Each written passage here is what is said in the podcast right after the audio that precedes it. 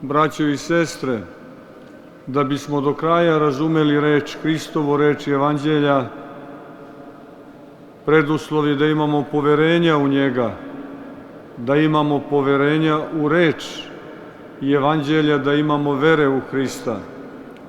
Jer u svakom drugom slučaju reč Hristova i reč i Evanđelja nam je za početak nerazumljiva, a zatim je neprihvatljiva.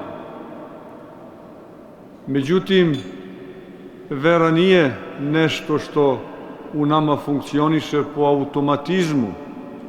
Istina jeste da svaki čovek kao ikona Boga živoga ima u sebi seme vere, ima u sebi klicu vere, ali da bi ta klica vere proklijala, prolistala i dale, dala plodove, potrebno je da slobodno, samostalno opredelimo se za Hrista, to jest da hoćemo da živimo u skladu sa onim što nam On poručuje kao istinu, kao put i kao život. Zato kada se opredelimo za evanđelje Hristovo, za reč njegovu, kada želimo da živimo u skladu sa onim što nam On zapoveda, kada znamo da je to istinsko zdravlje, da je to život u skladu sa prirodnim potencijalima koje imamo, tada neretko proizvodimo nerazumevanje kod onih koji se nisu opredelili za isti put. To nerazumevanje često se završi ne samo kritikom, nego mržnjom i progonima. Zašto? Upravo zbog toga što se mi slobodno opredeljujemo za Hrista, u njemu je sva punoća života, u njemu je istina, u njemu je savršenstvo i lepota. I zato što smo se opredelili za njega, mi svedočimo njegovu istinu. Čak i onda kada smo slabašni i potpuno pogrešni, kada grešimo, čak i tada zato što su se ovi opredelili protiv Hrista.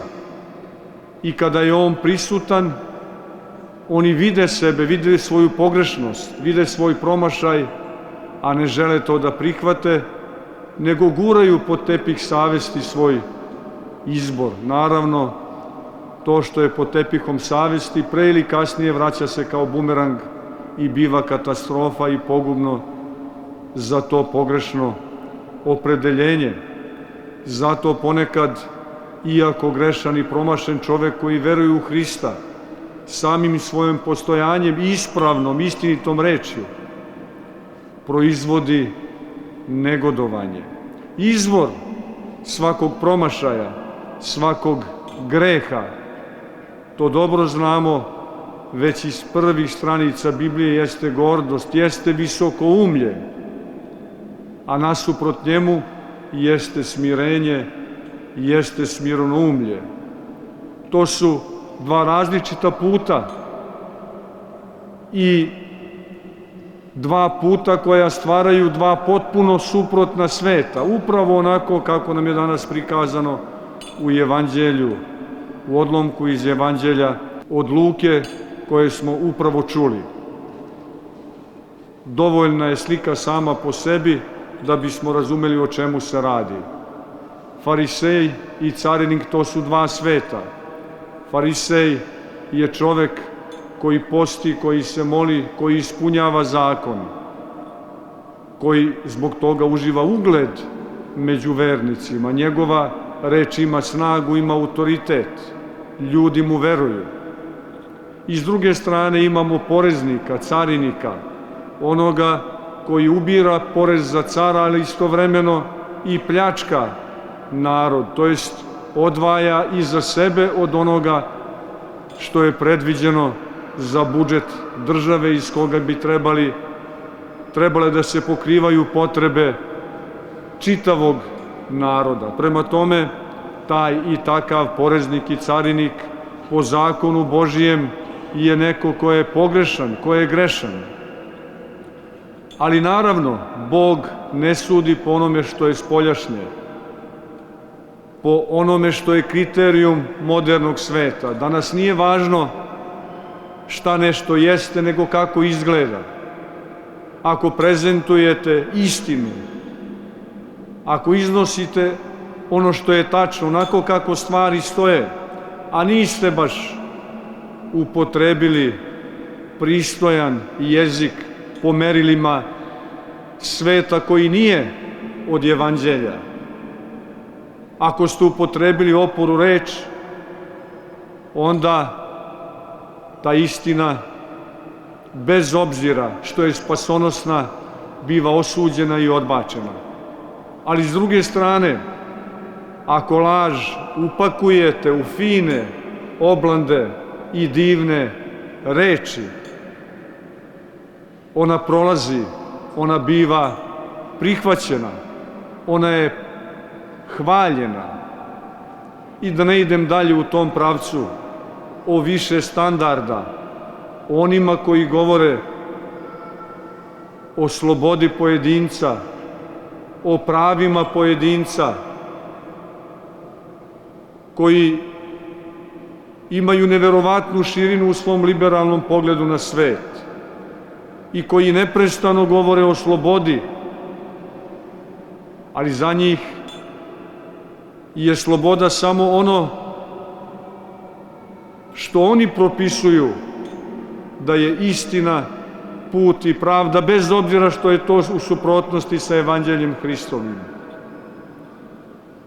Iako neko upravo na principima i na temeljima slobode, ali slobode koje izvjere iz Evanđelja, koja je unutarnja, duhovna sloboda, ne nameće to nikome pa ni njima, nego hoće sam da živi po toj slobodi, onda je za njih taj neprihvatljiv. On treba da bude kancelovan, izbrisan. Na njim se vrši egzekucija. Pa kakva je to onda propoved i prezentacija slobode ako njoj nema mesta? Za drugačiji način života koji nikoga ne ugrožava, koji prihvata čak i one koji su drugačiji i suprotni i ne zadire u njihov način organizovanja svoga života. Dakle, dobro, istina, moraju biti utemeljeni na ljubavi, na veri u reč Hristovu. A ona podrazumeva drugog. I baš kao što imamo slučaj u današnjoj evanđelskoj priči fariseja koji je pun sebe zbog toga što spolja ispunjava sve ono što se od njega traži, ali iznutra promašuje, jer ima egocentričnu pobožnost, nepobožnost, koja ima za cilj zajednicu, koja ima za cilj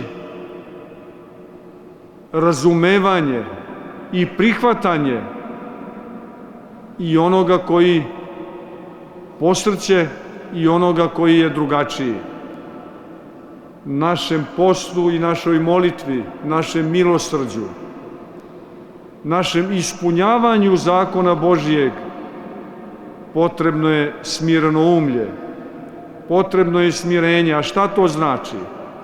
Ne smirenje kao psihološko stanje u kojoj mi imamo samo kontrolu svojih pokreta i svojih misli, nego smirenje kao blagodarenje Bogu i na tome što nam je dao snage, izdržljivosti, upornosti i razumevanja da treba da ispunjavamo njegov zakon. I na tome da kad smo se odlučili da to činimo, što blagodaću svojom nas podržava i zajedno je sa nama. Dakle, post i molitva milosrđe i svaki, svaka druga dobrodetelj evanđelska mora da bude ispunjena i prožeta smireno umljem, to je s blagodarenjem Bogu na svemu. Da mi, koji iako, smo ljudi, dakle prolazni, možemo činiti to što činimo u slavu njegovu. To farisej nije imao, nego je poredio sebe sa drugim koji je promašeniji od njega, a nije poredio sebe sa onim kakav treba da bude i sa onim kakav je, kakvoga je u konačnoj instanci zamislio Bog. Mi treba da poredimo svako danas svoje sa jučerašnjim, a da nam dometi cilj bude ono kako nas je Bog zamislio, a to znači da budemo sveti. Ako tako postavimo svoj život, uvek ćemo imati smjereno umlje, tražiti pomoć Božju i blagodariti mu. I evo carinik koji je sav bio promašen, ali je razumeo da je promašen i da je slabašan i da mu je potrebna pomoć Božja. I zato je vapio, gospode, smiluj se meni grešnome. Za razliku od fariseja, kojim je bilo dovoljno što je s bio bolji od drugih, pa i od toga carinika. Dakle, braćo i sestre, kada već postimo, kada se molimo Bogu, kada činimo milosrđe, činimo to u slavu Božiju, ne u slavu svoju, ne zbog toga da bi nas ljudi veličali, da bi rekli da smo bolji od drugih, nego u slavu Božiju. I onda, kada se budemo smanjivali pred licem Božijim, Gospod će nas uvećati i proslavljenjući njega bit ćemo proslavljeni i mi zajedno sa njim. A onda ćemo moći